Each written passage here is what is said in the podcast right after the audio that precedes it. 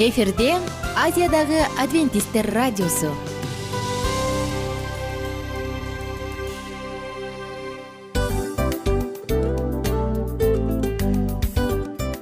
Салам достор. Ден соолук өмүр булагы. Жана биздин биринчи байлыгыбыз демекчи саламат саамы рубрикасына кош келдиңиздер. Бир да кишинин ооругусу келбегени айтпаса да түшүнүктүү.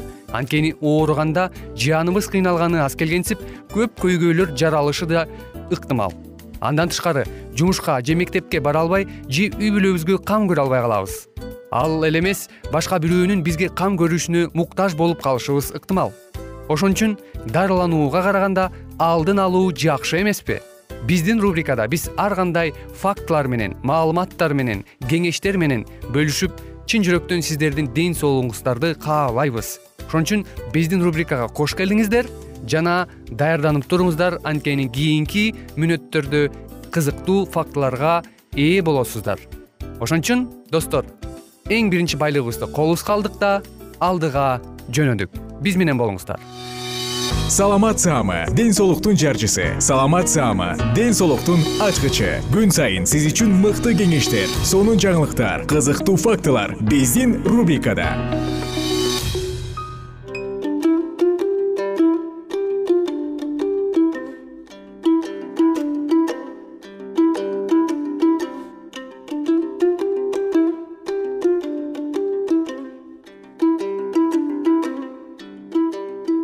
ассалому алейкум кадырман угармандарыбыз. Кайрадан сиздердин назарыңыздарда ден соолуктун ачкычтары программасында кездешип жатканыбызга абдан кубанычтабыз.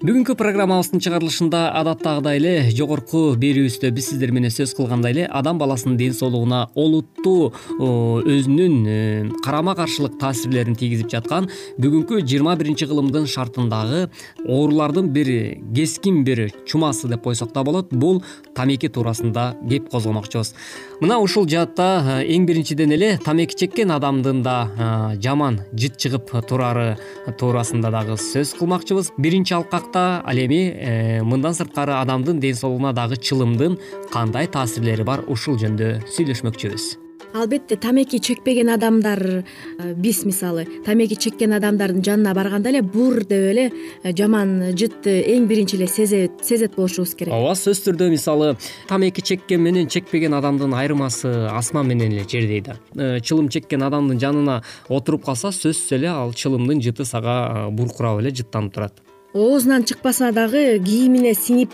терисинен дагы чыгат болуш керек да. Ооба сөзсүз түрдө баягы э, адамдан деген негизи эле адамдын э, анатомиясында карап келгенде деле э, ар бир эле адамдан тамекини мындай эле коелу. Тамеки чылым чекпеген мисалы ошол эле алкоголдук суусундуктарды ичпеген адамдын деле денесинен жөнөкөй эле дени кардысоо адамдан деле кандайдыр бир денеден ар кандай жыттар чыгат. Мисалы ошол эле тердин жыты дегендей. Жана бир эле жыт чыкпастан аябай көп дагы зыянкечтери бар экен. Мисалга тамекинин зыяндарын төмөндөгүчө тизмелесе болот экен. Биринчи эле териге биринчи эле бырыш түшүп баштайт экен. Бул эмненин белгиси?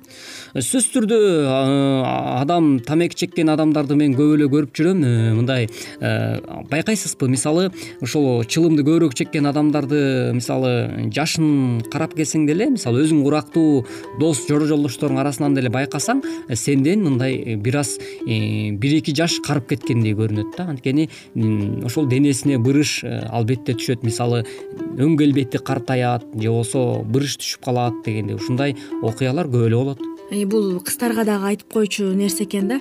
Сөзсүз э, түрдө. аял зат мисалы дайыма жашнакай болуп көрүнгүсү келет да анан азыр э, эркектерден таймашып аялдар дагы аябай көп чылым чеккенин көрүп калабыз да мен деле мисалы бир жолу бир байкап калган учурум болгон ошол эле айымдардын арасында чылым чеккен айымдардын арасында э, кандайдыр бир коомдук жайларда чогуу тамактанып отуруп калганда байкадым эле да мындай өзүм кээде мынтип э, байкайм да анан э, байкап отурсам айымдардыкы көбүнчө бул көздөрдүн алдында бырыш түшөт экен да. Мисалы күлгөндө аябай бырышып карып баратканы билинет экен бул дагы эле эмес жана мисалы тиштердин саргаюусу тиш бүлөөсүнүн оорусу дагы болот экен ошо тамекиден ооба албетте сөзсүз түрдө адам баласынын эң эле бир өтө күчтүү. Мындайча айтканда адамга кубат бере турчу ар бир азык түлүктү тамак ашты жеп жатканда чоң жардам бере турчу бул адамдын тиши болуп эсептелинет эмеспи андыктан эгерде сиз тишиңизди таза жана эле ошол эле учурда э, жакшы сапаттуу сакташты кааласаңыз сөзсүз түрдө тамекиден алыс эле болуп койгонуңуз э, жакшы экен ооба бул бир эле чет экен да. Мисалы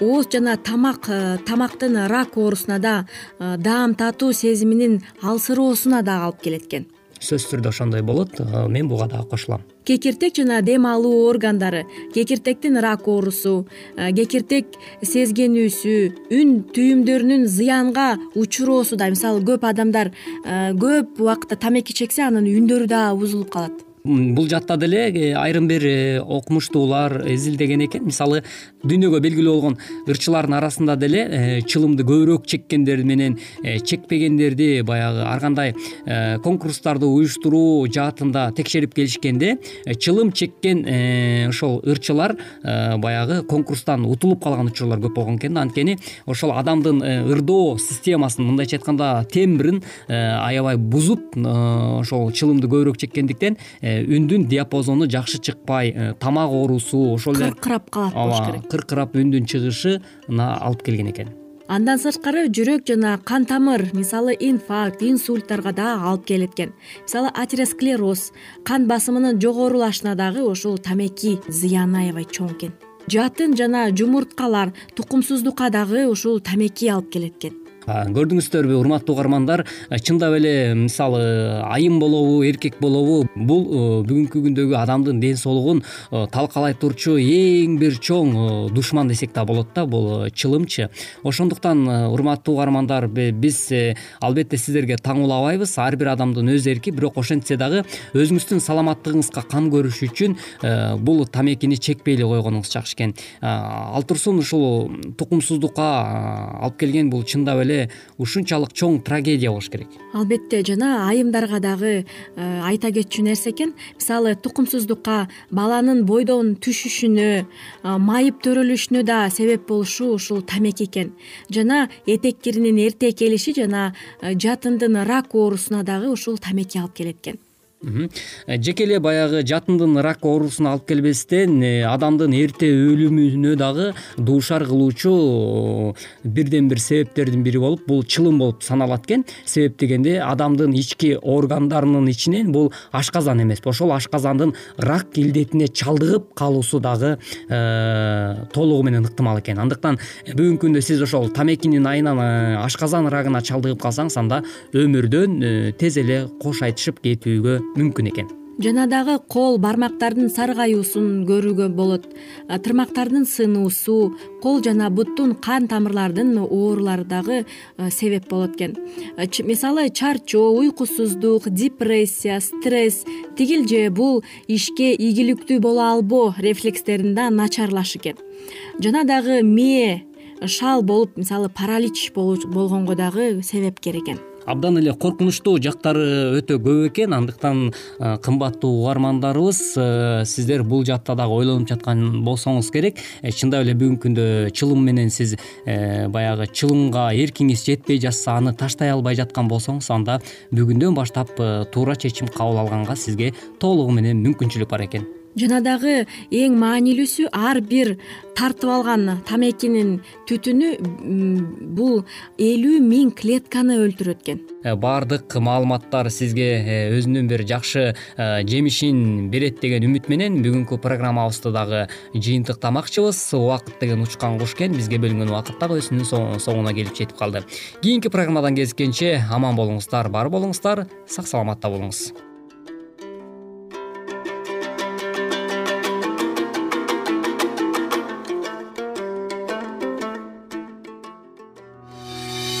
саламат саама ден соолуктун жарчысы. Саламат саама ден соолуктун ачкычы. Күн сайын сиз үчүн мыкты кеңештер сонун жаңылыктар кызыктуу фактылар биздин рубрикада.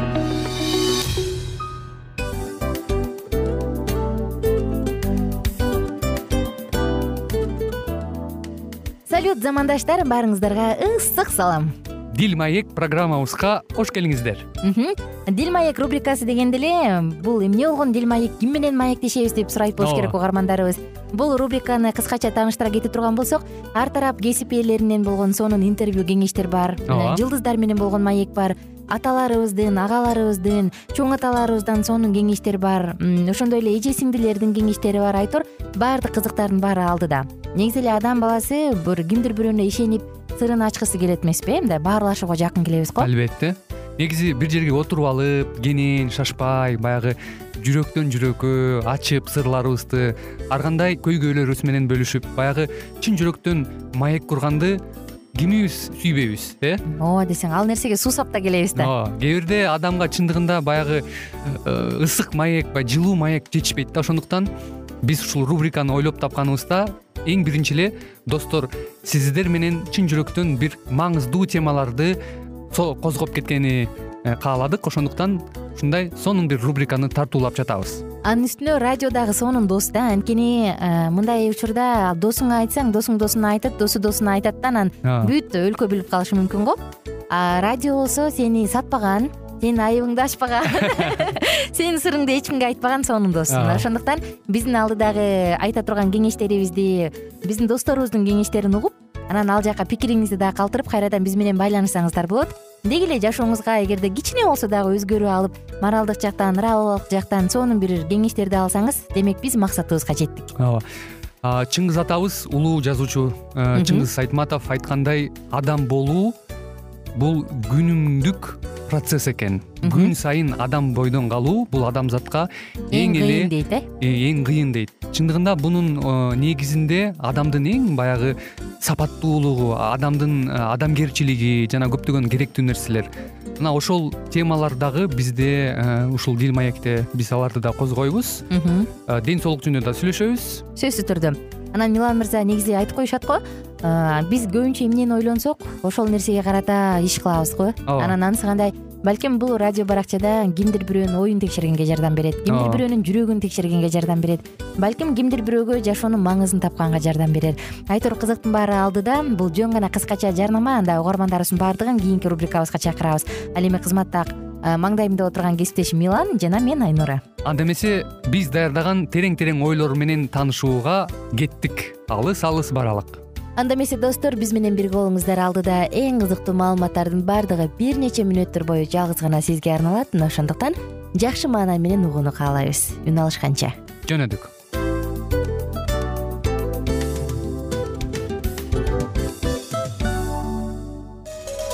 Ар түрдүү ардактуу кесип ээлеринен алтын сөздөр жүрөк ачышкан сыр чачышкан сонун маек дил маек рубрикасында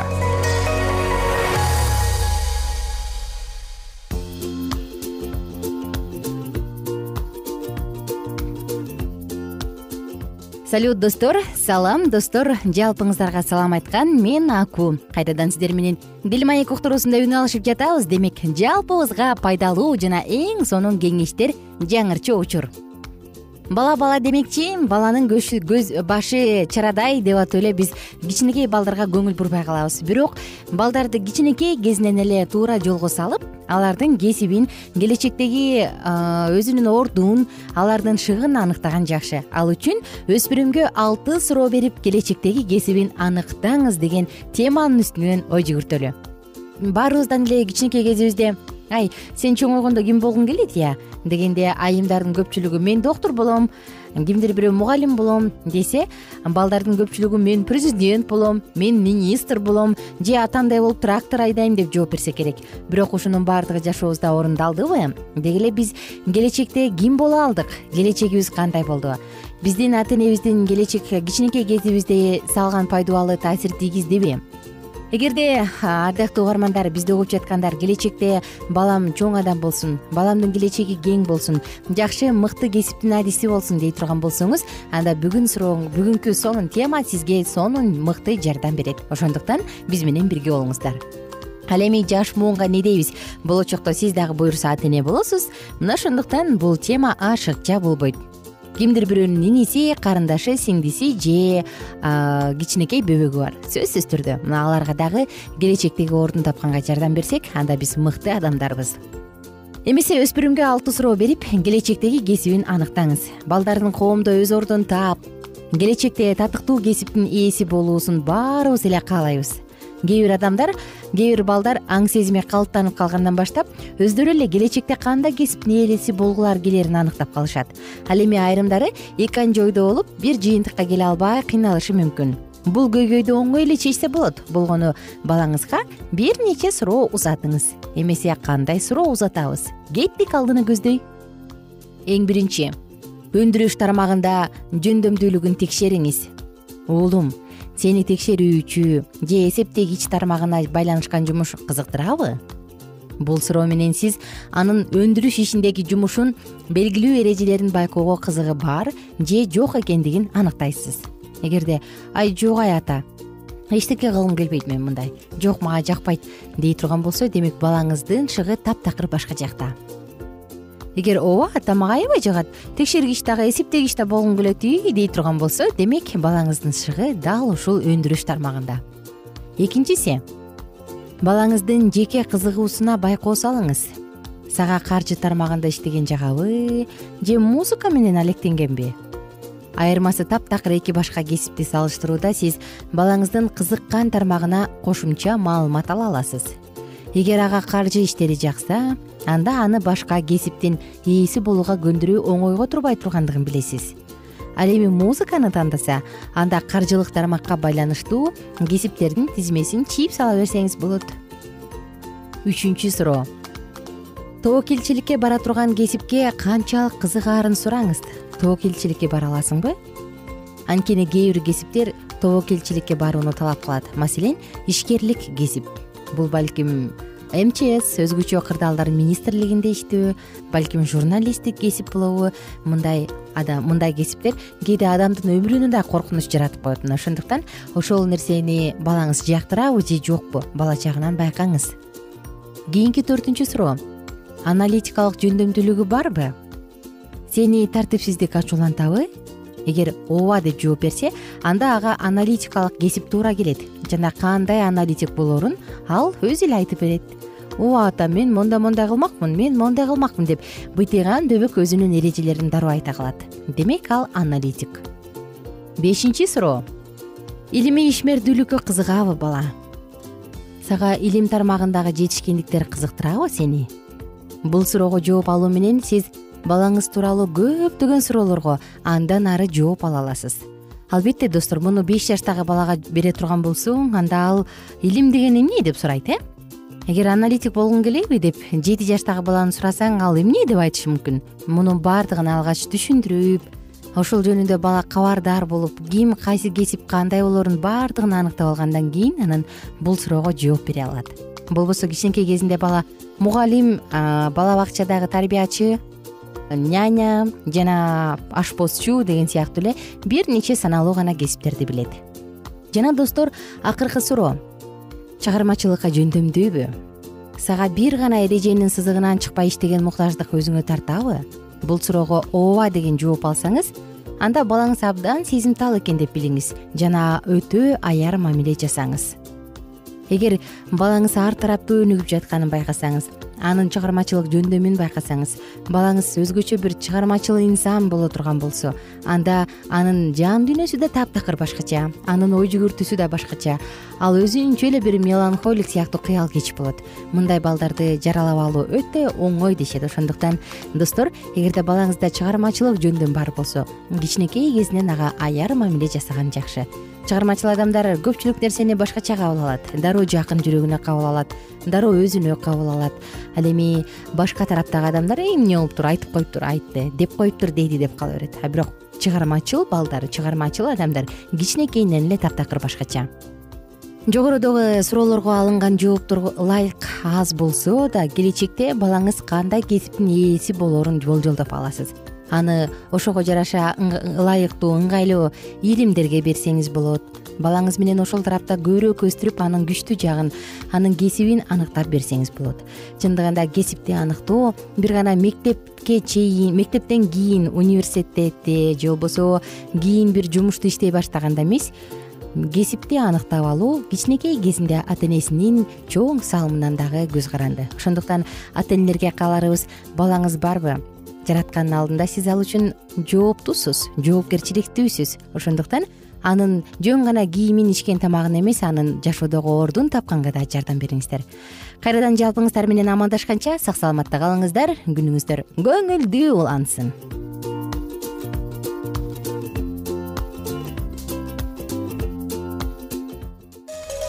Ар түрдүү ардактуу кесип ээлеринен алтын сөздөр жүрөк ачышкан сыр чачышкан сонун маек дил маек рубрикасында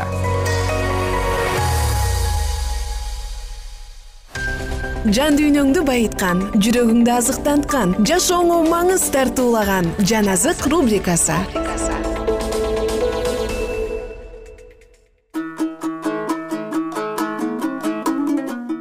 Саламатсыздарбы достор? Жалпыңыздар менен улуу күрөш кызыктуу китебин улантабыз. Уильямс башынан өткөргөндөрүн эске салуу менен мындай деп айтат. Он төрт апта аралыгында баш калкалар жайым же жээрге наным жок болуп жылдын каардуу мезгилинде тентип жүрдүм. Бирок мени каргалар ээн талааларда багышып жана эмен дарактары бир канча жолу менин баш калкалар жайым болгон. Ал өзүнүн азаптуу сапарын бир индеецтердин тукумун таап алганча кар баскан токойлорду уланткан жана көп убакыт өтпөстөн индеецтердин сый урматына ээ болуп аларды чындык жолго насааттаган. Көп айлар жолоочулап жүргөндөн кийин ал нарагенсет булуңуна келет. Жана ал жерде диний эркиндикти кабыл алган биринчи штаттын негизин тургузган. Роджер уильямстын колониясынын түпкү максаты төмөнкүлөр болгон. Ар бир адам өз абийири боюнча кудайга кызмат кыла алат. Анын род айленд штаты баардык куугунтукка кабылгандар үчүн баш калкалар жай болуп калды. Анын түпкү максаты граждандык жана диний эркиндик болмоюнча бул америка республикасынын бурчка коюлган ташы болуп калмайынча өсүп өнүгө берди. Байыркы ата бабалар калтырып кеткен укук жөнүндөгү көз карандысыздык декларациясы туурасында мыйзам долбоорлору маанилүү документ болуп саналат жана аларда мындай деп айтылган. Биз төмөндөгү чындыктарды анык деп эсептейбиз. Баардык адамдар бирдей деңгээлде жаратылган жана баардыгы жараткан аркылуу өмүр сүрүүгө эркиндикке жана бакытка чулганышып бирдей эле укукка ээ болушкан. Бул конституция адам абийиринин коопсуздугун талап кылат. Диний талаптар кошмо штаттардагы мамлекеттик бийликке туруш үчүн кедерги же негиз боло албайт. Конституциянын авторлору адам менен кудайдын ортосундагы мамиле адам мыйзамдарына көз каранды боло албайт. Ал эми адам абийиринин эркиндиги былк этпес деп алдыга койгон максаттардын бекем тура тургандыгын кабыл алышкан бул чындыктар далилдерге муктаж эмес. Алар биздин жан дүйнөбүзгө жашап келет. Мына ошолор баардык адам мыйзамдарына каршы туруп көптөгөн азап чегүүчүлөргө кордоолаларды жана отко жагууларды моюн сунуу менен кабыл алууга жардам берген. Алардын абийирине адамдар бийлик жүргүзө албай тургандыктарын билишкен жана туулганда эле берилген максатты түп тамырынан жулуп таштоо мүмкүн эмес качан европадагы мамлекеттерге ар бир адам өз эмгегинин жемиштери менен ырахаттанып жана өз абийиринин үндөрүн уга алыша турган мамлекет бар экен деген кабар угулганда миңдеген адамдар жаңы жарыктын жээктерин көздөй умтулушкан. Колониялар бат эле өсө баштады. Массачусетс штаты ар кандай улуттун өкүлдөрүнөн согуштан ачкачылыктан жана куугунтуктардан качып келишкен ишенүүчү адамдарга баш калкалар жай жана кайтарылып берилгис жардам көргөзгөн плимутка өз якорун таштаган биринчи кемеден жыйырма жыл убакыт өткөндөн кийин көп миңдеген зыяратчылар жаңы англиядан турак жай алышкан. Эңсеп жүргөн эркиндиктери үчүн алар эң эле жупунуу жана өз өмүрүн кыйган өмүр сүрүүгө дагы даяр болушкан. Алар жерге сепкен үрөндөрүнүн эмгегин актаарын суранышкан. Байыш үчүн эч кандай жазгыруучу нерселер аларды кызыктырган жок. Алар мамлекеттин жай жана бекем өсүп жаткандыгына кубанышып эркиндиктин жарагын тамыры жерге тереңдеп кирип кеткенче көз жаштары жана кара терлери менен сугарышкан. Алардын ишениминин негизи даанышмандыктарынын булагы жана эркиндигинин уставы мукадас болуп эсептелген. Анын негиздери үйлөрдө мектептерде жана жыйындарда изилденип жана анын жемиштери үнөмдүүлүк терең ой жүгүртүүлөр пакизалык жана токтоолук болуп калды. Пуритандыктардын колониясында жыл маалы жашап жана бир дагы аракечти жоолуктуруп же бир дагы сөгүнгөн жаман сөз угууга жана бир дагы жакыр адамды көрүүгө мүмкүн эмес болчу. Мукадастын негиздери улуттук өсүп өнүгүүнүн кепили экендигине ушул нерселер тирүү күбө болуп саналат. Кичинекей обочолонгон кыштактар эми минтип күчтүү шаардардын бирикмесине айланды жана бүткүл дүйнө жыйын папасыз жана мамлекет падышасыз өсүп өнүгө ала тургандыгын таң калуу менен белгилешти. Бирок американын жээктерине биринчи зыяратчылардын максаты менен төп келишпеген башка бир адамдар дагы келип отурукташкан. Алгачкы ишеним жана тазалык адамдарга өтө чоң өзгөрүлө турган таасир калтырганы менен бул жерде күнүмдүк турмуштагы кызыкчылыктарды издеген адамдардын көбөйүп кетүүсүнөн ал тазалык акырындап алсыздана баштаган. Биринчи колонисттер добуш коюуга жана мамлекеттик бийликтерге бир гана жыйын мүчөлөрү гана укуктуу деген көрсөтмөлөрүн акыры коркунучка алып келди. Бул чаралар мамлекетти сактап калуу максатында коюлган бирок жыйындын адеп ахлагын талкалады. Динди тутуу шайлоого жана коомчулуктун иштерине катышуу максатында кабыл алынган болсо кээ бир адамдар керт башынын гана камын ойлогондуктан жыйынга мүчө болуп киришкен. Жыйын ушундайча дүйнөлүк жана жанданбаган адамдарды түзгөн жада калса кээ бир насаатчылар жалган көз караштарды эле окутуп тим болбостон ыйык рухтун өзгөртүүчү күчү жөнүндө дагы эч нерсе билишкен эмес. Константиндин күндөрүнөн тартып биздин күндөргө чейин жыйындын тарыхында мындай жагдайлар биринчи эле жолу болуп калган эмес. Жыйын мамлекеттин жардамы менен акыл насаат айтууга аракеттенип менин падышалыгым бул дүйнөдөн эмес деп айткандын жакшы кабарына мамлекеттен колдоо алгылары келишкен дүйнөдөгү адамдарды жыйын менен бириктирүү жыйынды дүйнөгө бириктирүүгө гана алып келет. Кудай сөзүнүн барактарындагы жаркыраган жарыктын нурларын бардык ишенген адамдар кабыл алуулары зарыл. Робинсон жана роджер уильямс катуу карманган жана алардын муундары аркылуу калтырылып калган бул улуу негиз болгон. Американын жана европанын протестанттык жыйындары реформациянын улуу кыштактарын алышып реформа жолу менен алдыны көздөй кете алышкан эмес бирок мезгил мезгили менен ишенимдүү адамдар чыгышып жаңы чындыктарды жарыялашып көптөн бери орун алып калган жаңылышууларды айыпташкан. Машаяктын учурундагы иудейлер же лютердин мезгилиндеги папалык жактоочулар сыяктуу алар өз ишенимдерине жана өз аталарынын жашоосунун ченемдерине коркпос корстон болушуп аларды кабыл алышкан жок. Ошондуктан дин кудай сөздөрүнүн жарыгында жүрүүнү уланта турган болушса жок боло турган баштагысындай эле реформализмге ырым жырымдарга кайрылып кетишти. Ардактуу достор сиздер менен окуянын уландысын кийинки уктурууда улантабыз.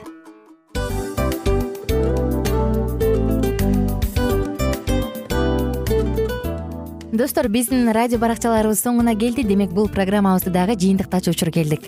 Учурга келдик. Анан кесиптешимден сурагым келип турат. Негизи эле иштин башталып атканы кубандырабы сени же жыйынтыгы кубандырабы албетте жыйынтыгы. Себеп дегенде сен кылган ишиңдин жыйынтыгын көрүп э, баягы мөмөсүн көрүп дегендей жыргайсың жүрөгүң кубанычка татып э? Кандай даамдуу деп. Баягы буудай сепкенде эмес буудай эгинди жыйнагандан кийин ысык нанды жегенде кадимкидей ырахаттанасың го. Ой айтпа туура айта кеттиңиз. Сонун салыштыруу болду анан мен дагы абдан кубанып турам. Анткени биз угармандарыбыз үчүн аябай эмгектенип келген уктуруубуздун соңуна келип калдык. Анан эми э, уктуруубуздун соңунда угармандар кандай пайда алып калды экен деп күтүп турам да. Балким э, менин жашоомо өзгөрүү киргизе турган сонун сөздөр болду. Мен ушул нерсени изилдеп анан кабыл албасам ушул нерсени кылбасам деген чечим чыгарсаңыз анда биз абдан кубанычтабыз. Сөзсүз түрдө. Андыктан кийинки биздин кызыктуу уктурууларыбыздан көрүшкөнчө сак саламатта калыңыздар. Чыдамсыздык менен сиздерди мен милан жана кесиптешим айнура күтөбүз баардык угармандарыбызга ийгиликтүү күн каалайбыз. Качан гана болбосун уртуңуздан жылмаюу кетпесин үйүңүздө көмүр жүрөгүңүздө көңүл болсун дейли